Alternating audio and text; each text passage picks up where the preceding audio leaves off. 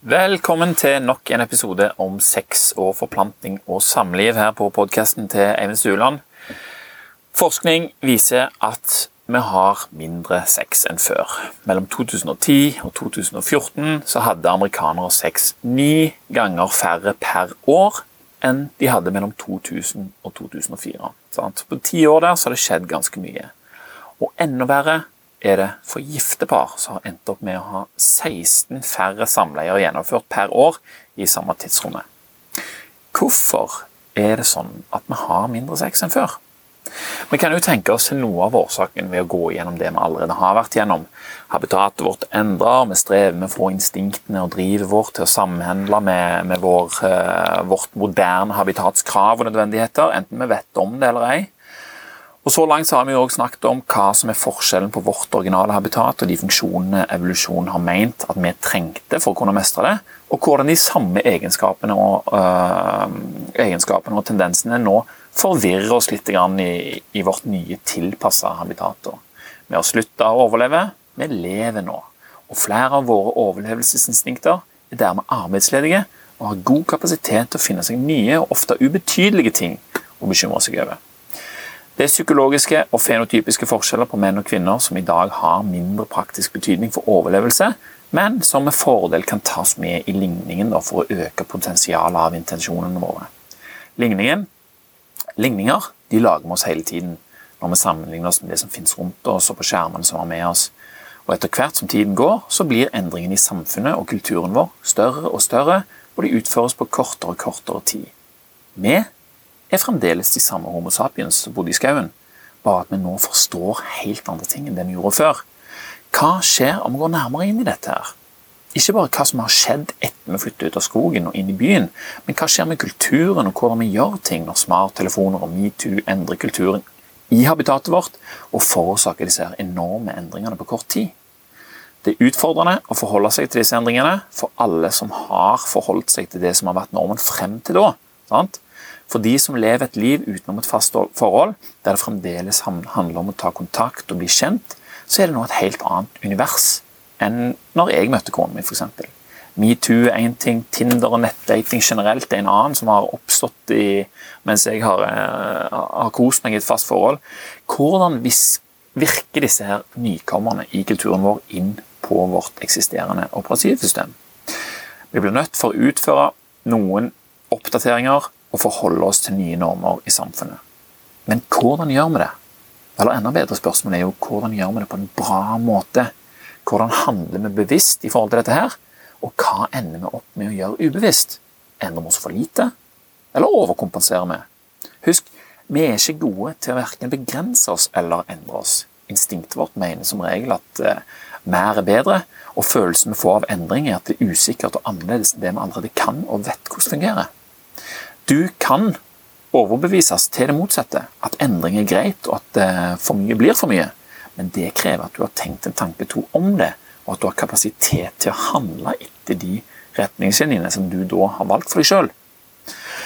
Når jeg begynte å lese om dette, her, så tenkte jeg at ja, dette er grei skuring. Eh, men som sagt, jeg har jo vært i et forhold i 13 år når jeg har hatt skylapper på. Jeg aner jo ikke hva som skjer der ute i, i singeltilværelsen.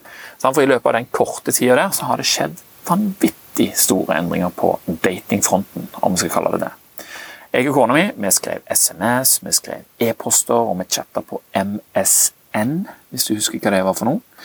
Vi var både moderne og effektive i kommunikasjonen vår. Dette var de siste stoppestedene før liksom, digitalisering tok helt av. Vi følte jo det allerede hadde tatt helt av, men vi visste jo ikke hva som kom. Sant? Eh, så dette var liksom siste stoppestedet da, før gamle flørtekunnskaper og sjekketriks begynte å bli eh, avleggs, og, og ting begynte å for, virkelig forandre seg. Bare noen måneder etter vi møttes, så husker jeg at jeg lagde meg en, eh, en Facebook-konto. Ikke fordi at jeg endelig hadde bestemt meg for å hive meg på den bølga, men fordi jeg akkurat for første gang i mitt liv hadde hørt om det, og det var noe nytt som gjorde det mulig å ha kontakt med gamle kjente fra overalt. 'Hallo, Stian!' som jeg kjente fra BI, der var han. 'Hallo, P-Liv!' Der var han fra militæret. sant? Før denne endringen her så måtte venner legges til i MSN med e-postadresser. sant? peli123.hotmail.com. sant? Det er ikke sånn som så, sånn så på Facebook. Det var revolusjonerende å kunne søke opp navnet til noen og bare plopp, finne dem. Og I tillegg så kan du se bilder og historier de hadde på profilene deres. Det, det, var et eneste stor dopaminorgie i gammelt bekjentskap. Informasjon! Gamle kjente! Og jeg er jo her! Så altså, det var sånn det føltes, og det samme følelsen er jo der ennå. Bare at Facebook har forandret seg og er nå full av andre ting i tillegg. Sant? Millionervis av bidragsytere er ute etter din oppmerksomhet, og de får betalt etter hvor lenge de klarer å holde den. I flere år så var det ikke helt sånn. Eh, det var jo sånn kanskje at De tenkte at det skulle bli sånn etter hvert, men ingen sosiale medier hadde reklame. sant? Og etter en stund så kunne de da legge til reklame og underholdning i dette sosiale mediene uten at vi rømte skute. For vi var jo å, vi hadde jo en sånn god følelse med den der Facebooken. Det var jo så kjekt. sant? Og det kom jo nye ting hele veien. og jeg husker Av og til før så var det sånn kampanjer som folk hadde liksom sånn Åh! Eh, sant? Jeg sa jo i stad at vi ikke er glad i endring. Plutselig så endra Facebook på hvordan uh, hovedsida så ut, og folk meldte seg inn i grupper. og sånn. 'Meld deg inn i denne gruppa, her, så endrer vi Facebook tilbake, sånn som vi kjenner det.' Dette er sånn som vi fungerer. Uh, sant? Så Reklameunderholdning det kunne komme på. Vi fortsatte å være der, selv om det gjorde endringer, selv om det kom reklame, selv om det var ditt og datt. Så holdt vi oss inne. Eh, vi var villige til å tåle det for å kunne nyte den lite krevende, behagelige følelsen av å gjøre uh, Hva er det egentlig vi gjør der inne? Vi gjør jo ingenting. Og det hjelper oss å la være. Men det hjelper oss å la være å tenke på det som kan være mer krevende eller ubehagelig å forholde seg til. Det er bare så synd at det i samme slengen blokkerer vår kapasitet til å gjøre det som er gøy, og det som er givende. For gøy og givende, det kan komme som en følge av at du har gjort noe som er krevende og ubehagelig. Dette vet vi jo. Tenk bare hva en treningsøkt eller en fjelltur gir deg. Tenk på hva utførelsen og gjennomføringen av et vanskelig prosjekt gir deg. Hva følelse gir det ting? Sånn jeg ser det, så det å vite om dette og investere energi i å kontrollere det, noe av det nyttigste vi kan gjøre med kapasiteten vår i forhold til bare å la det skje, det som skjer. Men for å kunne gjøre det, så er det en fordel å ha noe data og noen tanker om hvordan dette her fungerer, og hvordan vi ender opp med å ha det pga. de tingene. Vi er ikke alle avhengige og har ikke eh, Nei, vi er alle til en viss grad avhengige, og vi har ikke lyst til å bli presentert med noe som bekrefter denne mistanken som vi bærer på. Det er dette som er motstanden vår, og den er, den er i oss selv, og den er der alltid. Den hviler jo ikke. Det kan hende at vi ikke Det kan heller ikke det kan heller ikke vi gjøre. Vi kan heller ikke hvile hvis vi vil få til det vi vil få til, og hvis vi vil ha det sånn som vi vil ha det. Sant? Da må vi forholde oss til den motstanden. Så hva er problemet med Tinder og datingapper? da? Gir ikke det oss muligheten til å kunne utforske all verdens muligheter fra vår egen behagelige sofa? Eller fra bussetet? Eller fra dass, for den del? Jo, det gjør jo det. På samme måte som Facebook inviterte millioner og milliarder av mennesker inn i sin illusjon av glede og tilhørighet, så kunne datingapper gi den samme følelsen av at vi hadde en fordel nå som vi ikke hadde tidligere. Men hva er denne fordelen, og hva sitter vi igjen med? I en artikkel i The Atlantic så leste jeg en kar som het Simon, eller Simon. Han ble singel etter en lang stund eh, i et forhold, og i løpet av den tiden så hadde det skjedd veldig mye i forhold til hvordan mennesker møtes, og hvordan de opplever disse, disse nye tingene. Da. Dette var i USA, vel å merke. Og Simon han var ikke spesielt angitt et nytt forhold eh, når han kom ut av sitt gamle, men sex det kunne han jo tenkt seg. Og Hans første instinkt det var jo å komme seg på en bar. Men det var resultatløst. Merkelig. Det er jo dette vi ser på film og TV hele tida. Er det ikke sånn i den virkelige verden? Nei, det er ikke det. Ikke nå lenger. Det er utdatert. Simon opplevde at det som for kort tid siden hadde vært helt normal oppførsel, å ta kontakt og prate med noen på byen, hadde gått fra å være normal oppførsel til ubehagelig og plagsomt for de som ble utsatt for det. Hans sjekkeskills var blitt utdatert i løpet av den tiden han hadde vært i et forhold. Vennene hans hjalp ham å skaffe seg noen teknologiske krykker i form av kontoer på diverse apper og datingsider, så han kunne øke sjansene sine. Veldig raust, gode kompiser. Han trengte den hjelpen, sant? for han ante han ble jo bare kasta ut i noe som han eh, ikke hadde noen erfaringer fra for sin egen del.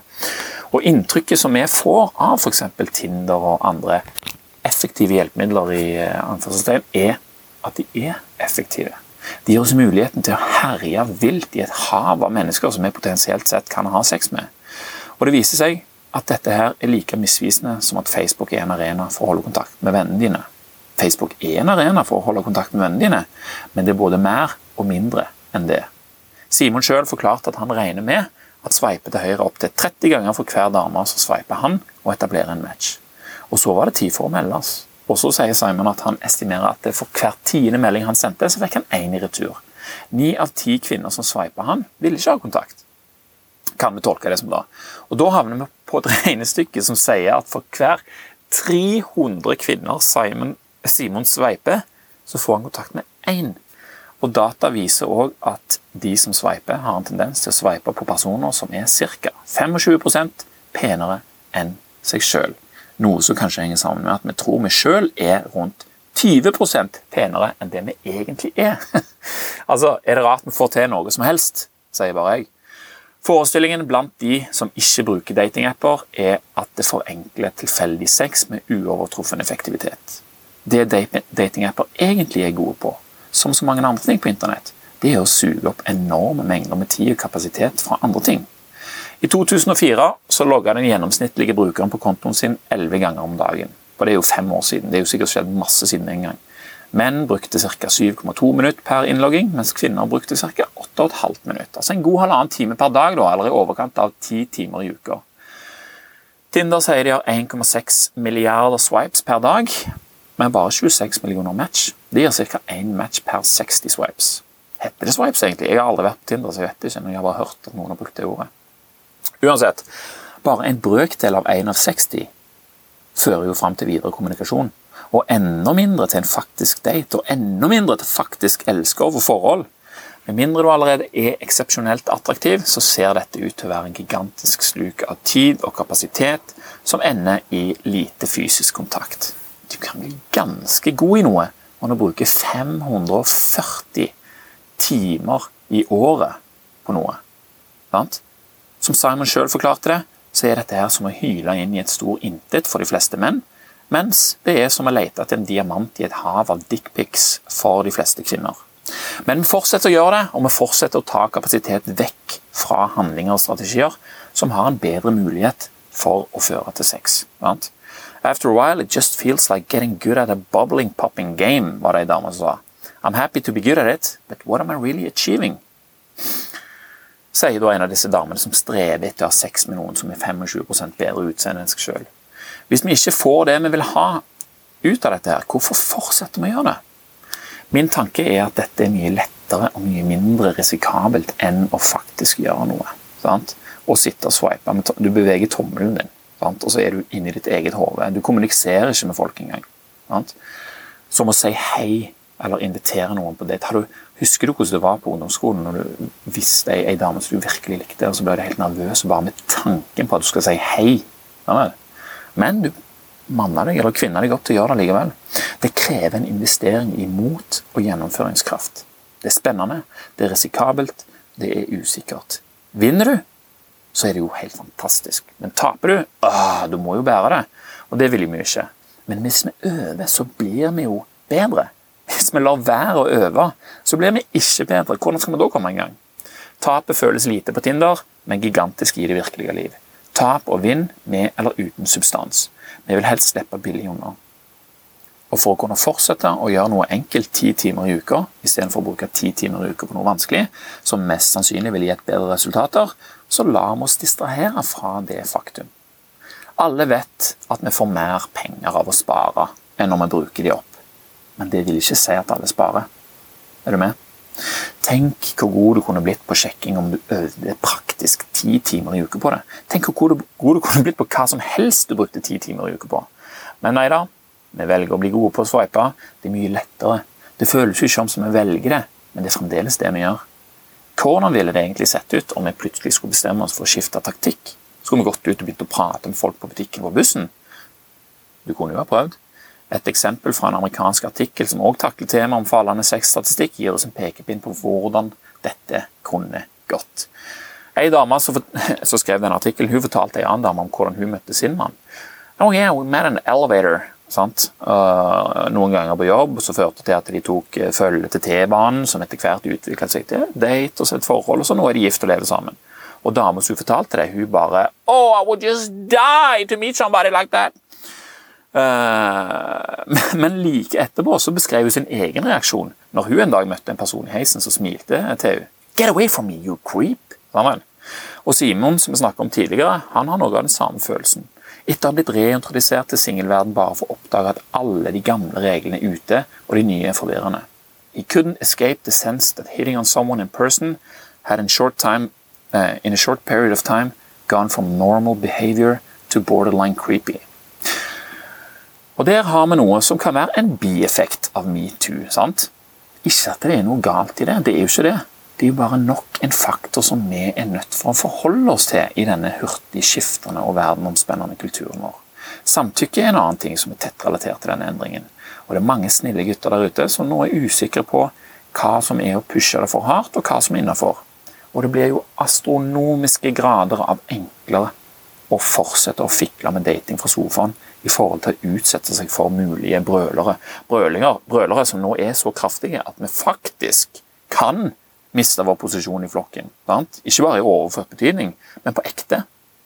For noen er det selvfølgelig 100 til pass for, men for andre så er det bare et resultat av hvordan deres personlighet har utvikla seg gjennom 30-40-50 år. Reglene i kulturen har endret seg, og identiteten som virka til å ha funka i alle år, er plutselig nå så avskyelig at vi velger å bare uh, gå fra vår posisjon i stillhet for å slippe å bli slept til gapestokken. Forandring koster, noen betaler, andre føyer seg basert på eksemplene som blir sagt. Som sagt, sånn er det. Ingenting galt med det, men vi må forholde oss til det. Hvordan gjør vi det?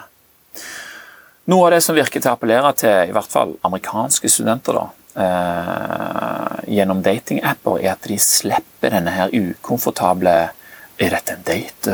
Er vi sammen? Hva gjør vi nå? Sant? Går og tenker på det. det. Det er ubehagelig. Det er jo det som er det er jo det som det er jo den ubehagen vi trenger for å få den gode følelsen etterpå. Sant? Men all denne eh,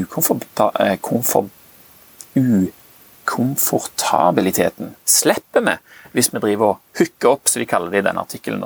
Og noe som allerede, mm, Hvis du hooker opp med noen som allerede har skrevet på sin profil, eller som allerede har avtalt på meldinger hva de ønsker for noen når de skal møte deg. sant? Uh, eller jeg vet jo ikke hvordan det skjer, om det er meldinger eller hvordan, sant, om det står på kontoen at du vil ha sex. eller hva. Jeg vet ikke, men sant, det er iallfall mye mye lettere når du kan avtale dette her, og så møter du en person som er forventningene til begge to er på en måte på samme side.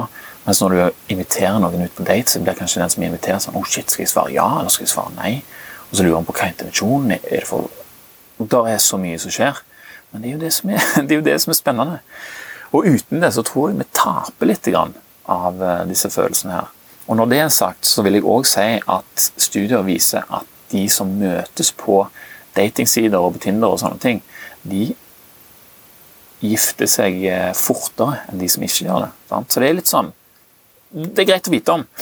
Eh, men magien av denne leap of faith, som jeg ofte tenker på nå, som jeg òg ikke har funnet noe godt norsk ord for, så jeg bare fortsetter å si leap of faith, den forsvinner. antakelig. Og, og, setninger som Yeah, we're dating, sure, and we're exclusive, but we're not boyfriend and girlfriend, hello. Sant? Ok, hva? Vi er sammen, men vi er ikke kjærester. Hva betyr det? Er vi redde for å være i et forhold? Ting kan tyde på det. Vi hooker opp, som de sier, fordi vi ikke lenger har sosiale egenskapene som trengs. Og de sosiale egenskapene mangler fordi vi aldri øver på det i det virkelige liv. Samtidig så er vi veldig redde for å låse oss til noe som fører til at vi går glipp av noe annet. Eh, du vet FOMO, sånn fair of missing out. Men det var en annen ting fo, Ja, i alle fall. Som beskrev dette at uh, fair of missing out, et eller annet noe bedre enn det du liksom er i nå. Sant? Du tenker jo at du vet, Det snakket vi òg om sammenligningen. Sant? Med en gang du vet at noe fins, så vet du òg at du ikke har det. Og hvis du vet at noen andre har noe som er bedre enn det du har sjøl, så vet du at du går glipp av det. Og du vil jo gjerne ikke låse deg for mye i din situasjon nå, fordi at du vet at du potensielt sett, selv om det kan være superfjernt, kan få til det som du vet i, eh, i fantasien din at eksisterer. da. Så så det er en, eh, det er en eh, Hvor var jeg nå hen? Mm, mm, mm, mm. Eh, det er en faktor som spiller inn. I fall. Og Alternativene som disse her amerikanske studentene i denne artikkelen beskriver for seg selv, det er enten hookup-sex eller ingen sex. Sex i et forhold er ikke et alternativ for mange, fordi at det både virker uoppnåelig, sant? for de vet ikke hvordan de skal gjøre dette. her, De er jo vant med bare å sveipe og sånne ting. Og ikke minst, en annen ting, uansvarlig. Og Professor Solomon, som holder kurset Marriage 101 på et eller annet universitet i USA, forteller at mange av hennes studenter prøver så hardt de kan å ikke bli forelska gjennom studietiden. Det kommer i andre rekke bak akademisk og profesjonell suksess. Å bli forelska mens en er i college, kan ødelegge planene deres. Noe som gir god mening med tanke på hvordan vi har beskrevet forelskelse i de foregående episodene. Sant? Ute av logisk kontroll og ikke bærekraftig i det hele tatt. Vi kan ikke si at det er feil heller. Sant? Det er bare sånn det er blitt pga. hvordan ting har utvikla seg i kulturen vår. Sant? Vi begynner jo å tenke sånn fordi at eh, det har noe å si for hvordan vi kommer oss videre, og om det, om det, om det passer med planen vår eller ei. Folk i forhold de har jo stort sett mer sex enn single. Og når det er færre personer som er i forhold, så går jo gjennomsnittet ned. Sant? Det sies jo sjøl. Og, og, da blir jo det en av de tingene som må ta sin del av kaka i denne nedgangen. ser. Hookup-kulturen, økonomisk press, angst, østrogen som lekker ut av all plastikken i miljøet vårt, lavere testosteron, porno, vibrator, datingapper, karriere, overbeskyttende foreldre, for mye informasjon, beslutningsvegring, for mange alternativer å velge i, søvnmangel, overvekt og Netflix. Alle disse tingene er med på å forme kulturen vår, og har da følgelig en finger med i spillet på totalen. Sant? Det er jo ikke bare sex som forandrer seg på, det, på grunn av dette, her, men når vi bare ser på sex, så ser det fort ut som det er den eneste tingen som lider, av, og at alt kan være grunnen. Noe som har òg litt sannhet i seg. Så han, Daniel Kahneman, vet du, han som har skrevet 'Thinking Fast and Slow', han har jo skrevet papir på dette. og, og Overskriften på, på dette papir Heter det det? Paper. Det er det jeg sier på engelsk. i hvert fall. Jeg kaller det papir. Ingenting i livet er så viktig som du tror det er, mens du tenker på det. Er du med på det? Sant? Hvis jeg driver og tenker på sex nå, så kobler jeg alt som jeg ser rundt meg, til hva som kan være grunnen til det. Og da, og da får jeg en følelse av at det, det er sånn viktig. Og det er òg viktig å, å, vite litt om at det faktisk er sånn. Det er jo derfor folk blir så jæklig opphengt i, i ting som de interesserer seg i. For eksempel, en gang så var jeg på foredrag eh, med en fyr fra Norsk Bane. liksom, Han har jobba med det i 30 år og har gått hele løypa som Norsk Bane ser for seg at, eh, at hurtigtoget skal gå langs. liksom. Han tenker på norsk bane hele veien, og det er dødsviktig for han. Mens vi kommer der og bare og vi hører hva han her sier, liksom. Sant? Og så syns vi det er litt viktigere mens vi hører om det. Og så blir det byttet ut med noe annet etterpå, som vi òg plutselig syns er viktig mens vi tenker på det. Det er ganske interessant her. Uansett, liten digresjon. Det skjer mye på kort tid. Om vi ikke føler oss, føler oss oppdatert, så kan vi føle oss usikre på hvordan vi i det hele tatt skal gjøre noe som helst. Hvor ligger grensene? Den mest logiske beslutningen blir gjerne å ligge lavt og klare seg sjøl. Men det er ikke sikkert at det er det som er best. Og Mer enn det vil jeg egentlig ikke si om de singles daglige streben, for eh, jeg er ikke singel sjøl. Jeg kan ikke si så mye om det. Men hvordan er det for de som er gifte eller i andre typer forhold? Det er jo tross alt de som lider et tap på 16 pulings i året mellom 2004 og 2014. Skal det opp, eller skal det ned? Og hva kan være noe av grunnen for denne triste statistikken? Og er den i det hele tatt trist? Mindre sex har heldigvis ikke gått utover skilsmisseraten. Så langt kan vi iallfall feire. Selv om forelskelsen har lagt seg og unger er kommet til, så har det i alle år vært gifte par eller samboere som har hatt mest sex. Mer enn single. Og det er jo et praktisk anliggende og handler mye om eh, tilgjengelighet. Partneren er der hver kveld, og det er mulig å ha sex med han fra tid til annen.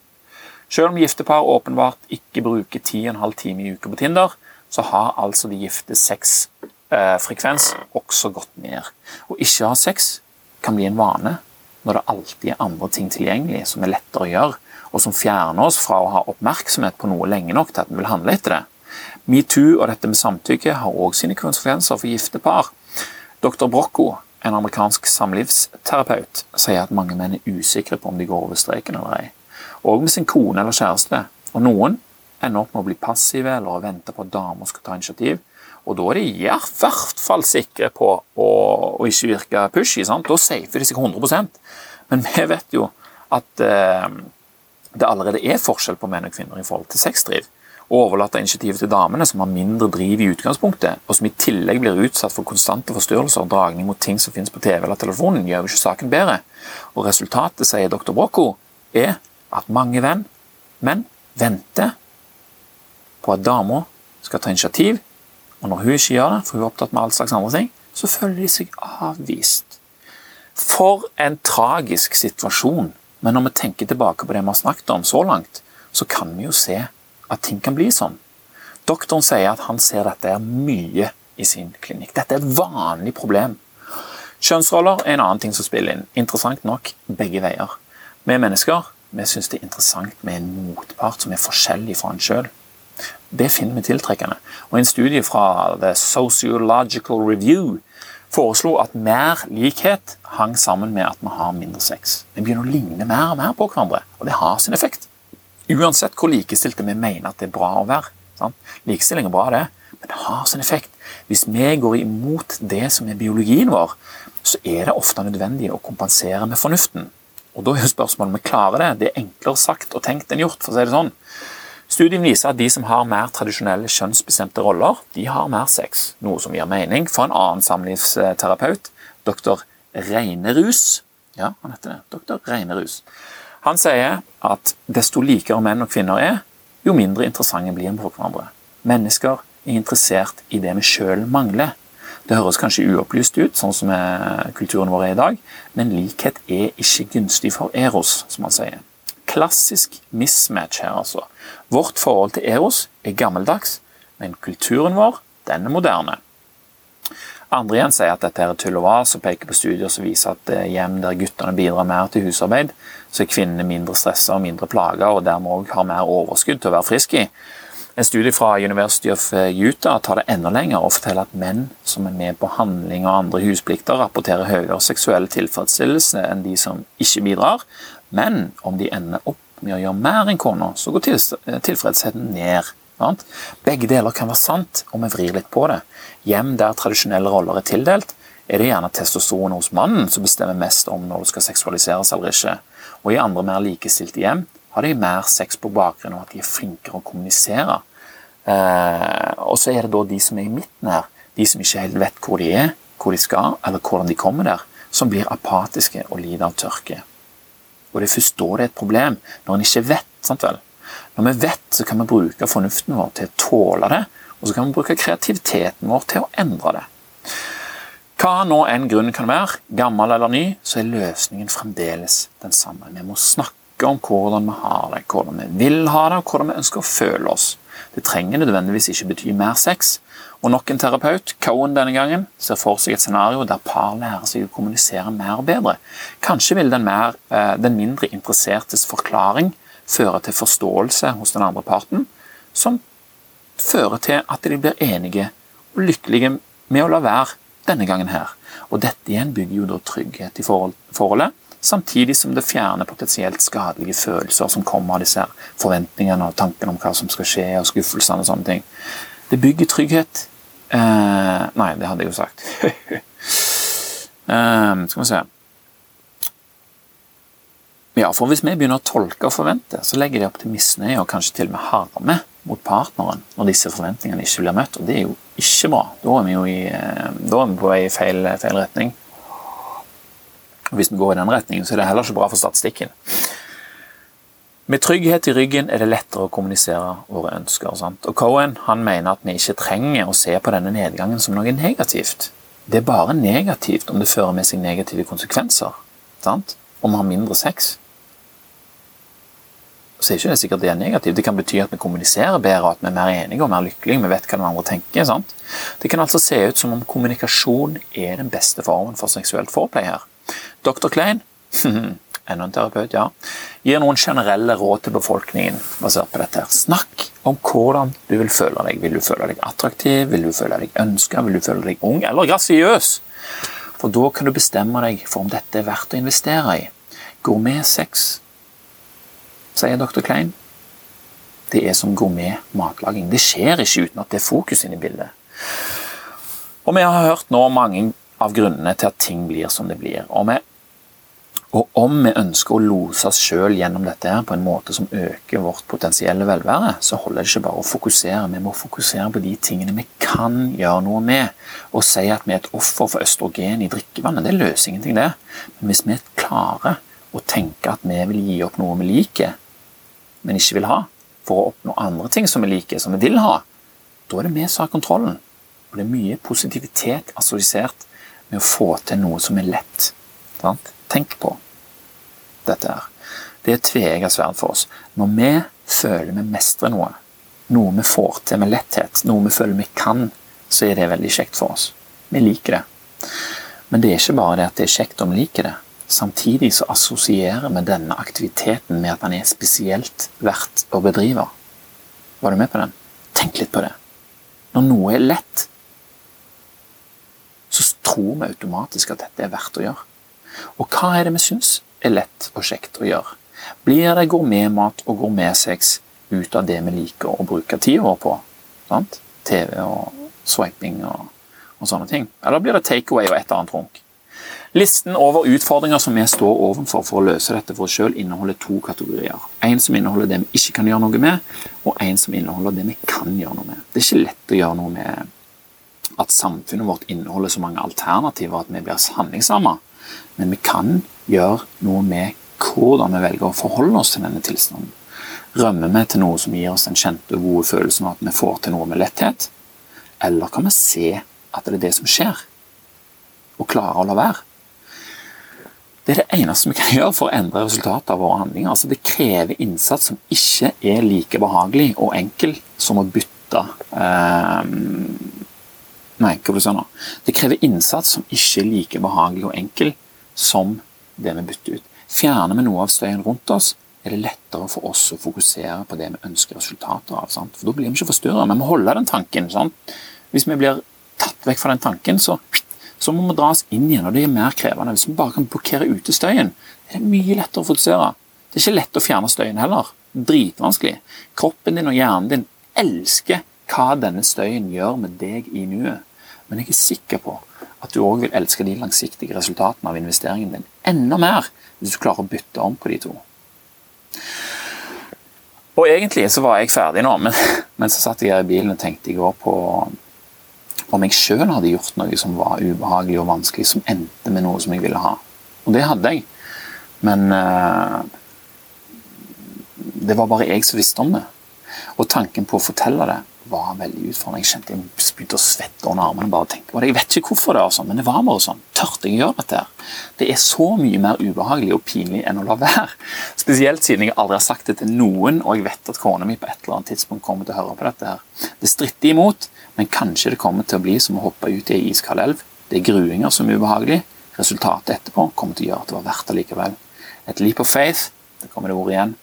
Dessuten så har jeg nå sagt så mye om hva som er lurt å gjøre, at jeg ville følt meg som en hykler om jeg ikke viste dere at jeg ikke bare snakker om det, men at jeg gjør ting i livet mitt, jeg òg. Selv om det kanskje bare er jeg som, som vet om det. Og når, når, du vet hva jeg har gjort, så kan det jo hende at det vil gjøre det lettere for deg å gjøre noe òg. Ikke nødvendigvis det samme som meg, men det du finner ut, er riktig for din situasjon. Sant? Så her kommer det. Det er ikke så gale, altså. Det er ikke, det er ikke noe crazy, dette her. Men det er ubehagelig å snakke om sex. Det er litt av poenget her. Kommunisere om sex er noe som gjerne ikke er så vant med. Å være gift er ikke alltid bare en dans på røde roser. Noen ganger så er det krevende. Skal vi da rømme inn i støyen og satse på at det ordner seg, eller skal vi gjøre noe skikkelig med det? Sant? Kona mi hun ble på et tidspunkt sykemeldt. Hun var rett og slett bare båndsliten. Vi visste ikke hva det var for noe. Senere så fant vi ut at det var kronisk utmattelsessyndrom som mest sannsynlig hadde blitt utløst av en salmonella-runde her for eh, er det sikkert ti år siden. Eller? Det er jo forløperen til ME, den her kroniske utmattelsessyndromet. Men uansett, det var vanskeligere å føle kjærlighet i denne her uvisse perioden der vi ikke visste hva som skjedde. Hva skulle jeg gjøre? Skulle jeg tulle meg inn i støy for å slippe å forholde meg til, til problemet og håpe at det gikk over av seg sjøl? Så jeg begynte å tenke på disse tingene som jeg visste om, sant? det jeg hadde lært meg, det jeg hadde lest om. Var det noe jeg kunne gjøre som kun innebar meg sjøl, som ikke krevde noe av kona mi, men som allikevel gjorde at situasjonen til begge ble bedre. Det var vanskelig og uvant å både tenke på og gjøre noe med dette. Det krevde, Jeg brukte jo mange timer på dette. Og Det som jeg endte opp med, var å skrive en setning hver kveld og hver morgen. Jeg prøvde flere forskjellige før jeg fant en som jeg var fornøyd med, og som ga meg den følelsen jeg ville ha. Jeg tenkte på det som Daniel Kahneman hadde forklart meg i 'Thinking Fast and Slow', den fantastiske boka her. Det var et forsøk med, med to grupper mennesker som ble bedt om å gjøre noe mens de hadde en blyant i munnen. Ei gruppe hadde blyanten på tvers, som da førte til at det simulerte et smil, mens den andre gruppa hadde enden av blyanten inni munnen, som førte til at du får rynker i pannen og en mer alvorlig mine. Prøv det sjøl og kjenn etter. Jeg husker ikke alle detaljene helt på stående fot, men de som hadde blyanten på tvers, som simulerte et smil, de følte seg altså gladere og mer tilfreds etterpå enn de som hadde ende i munnen, sant? som lagde rynker i pannen og sånn. Så jeg tenkte bare ok, smil og lad disse ordene med hormonene og følelsene som kommer, hadde tenkt jeg. Setningen som jeg endte opp med å skrive, var Jeg er forelska i kona mi. Yeah! Og så skrev jeg tre utropstegn. Og så smilte jeg mens jeg skrev det, og så kjente jeg på den følelsen som det ga meg. Jeg gjorde det enten jeg var trøtt eller våken eller glad eller lei. Følelsen av å i hemmelighet gjøre dette for familien uten at de visste det, var ganske bra. Og gjorde noe med meg sjøl som førte til at jeg kunne bære mer av denne situasjonen her, hvis du er med på den. Uh, og den førte til at jeg gjorde og tenkte på en annen måte enn om jeg ikke hadde gjort dette. Flere ganger om dagen så kunne jeg komme til å tenke på denne setningen her. Og hvis jeg gjorde det da med kona mi når hun var der, så kanskje kikket jeg bort på kona mi og så kjente jeg på smilet som jeg hadde hatt når jeg skrev den setningen den morgenen. Og da kom omsorg og forståelse oftere enn oppgitthet og frustrasjon. Og dette her var jo noe som jeg gjorde i uvissheten. Og det var jo uvisst hva som ville bli resultatet av det. Men jeg gjorde det. Jeg investerte i det. Istedenfor å bruke to timer Eh, eller jeg vet ikke hvor mange timer jeg brukte på å komme fram til dette. det var sikkert enda mer enn det også, Men istedenfor å være på Facebook eller gjøre noe tankeløst, så investerte jeg i å bruke tid på dette. Jeg gjorde det. Og nå vet vi at uh, hun har kronisk utmattelsessyndrom, og vi jobber med det sammen. Vi har det kjempebra nå. Vi hadde det aldri elendig, men det var helt klart mer krevende. Mer krevende enn det er nå. Og jeg føler at jeg eier deler av hvordan vi har det nå, pga. at jeg har lagt inn innsats i den retningen som jeg ville at vi skulle. Hundrevis av ganger har jeg skrevet, skrevet og tenkt de ordene der hver morgen og hver kveld. Og det er ikke bare jeg som skal ha æren for dette. Jeg vet at òg kona mi eh, gjorde det hun kunne for sin del. Sikkert ting som jeg ikke aner om òg. Eh, og nå, nå har vi det supert. Og vi vet at vi har mange supre år foran oss. Vi er bedre til å kommunisere. Og jeg vet at jeg kan gjøre mitt hvis vi blir utfordret igjen. Jeg investerte i noe som var både krevende og uvisst, og nå nyter jeg resultatet. Sant? Jeg nyter det. Det er herlig. Livet mitt, og kanskje også kona og ungene sine liv, er enklere pga. dette. her. Det var vanskelig i noen timer, sant? og så brukte jeg også noen minutter hver morgen og kveld på å gjøre det. Men nå er hver dag og hele resten av livet mitt bedre pga. det. Og dette sier jeg ikke for å skryte, jeg velger bare å fortelle det sånn at du har et ekte eksempel på hva det går an å gjøre. Kanskje en dag, eller i dag for den del, så kan du velge å starte på noe som er vanskelig nå, men som ender opp med å ta deg nærmere det du ønsker for deg sjøl og dine nærmeste. Mm? Er du med? Jeg håper iallfall på det, og så ønsker jeg lykke til den gangen du vil starte på det. Og det folkens, var alt jeg ville si om sex og forplantning og samliv for denne gangen. Gi meg gjerne en lyd om hva du syns, og kom gjerne med forslag til andre temaer. Jeg kan ikke love at det blir noe av, men sjansen øker om jeg vet hva du tenker på. Takk for nå, og takk for meg, og tusen takk til deg som hørte på. Vi snakkes neste gang.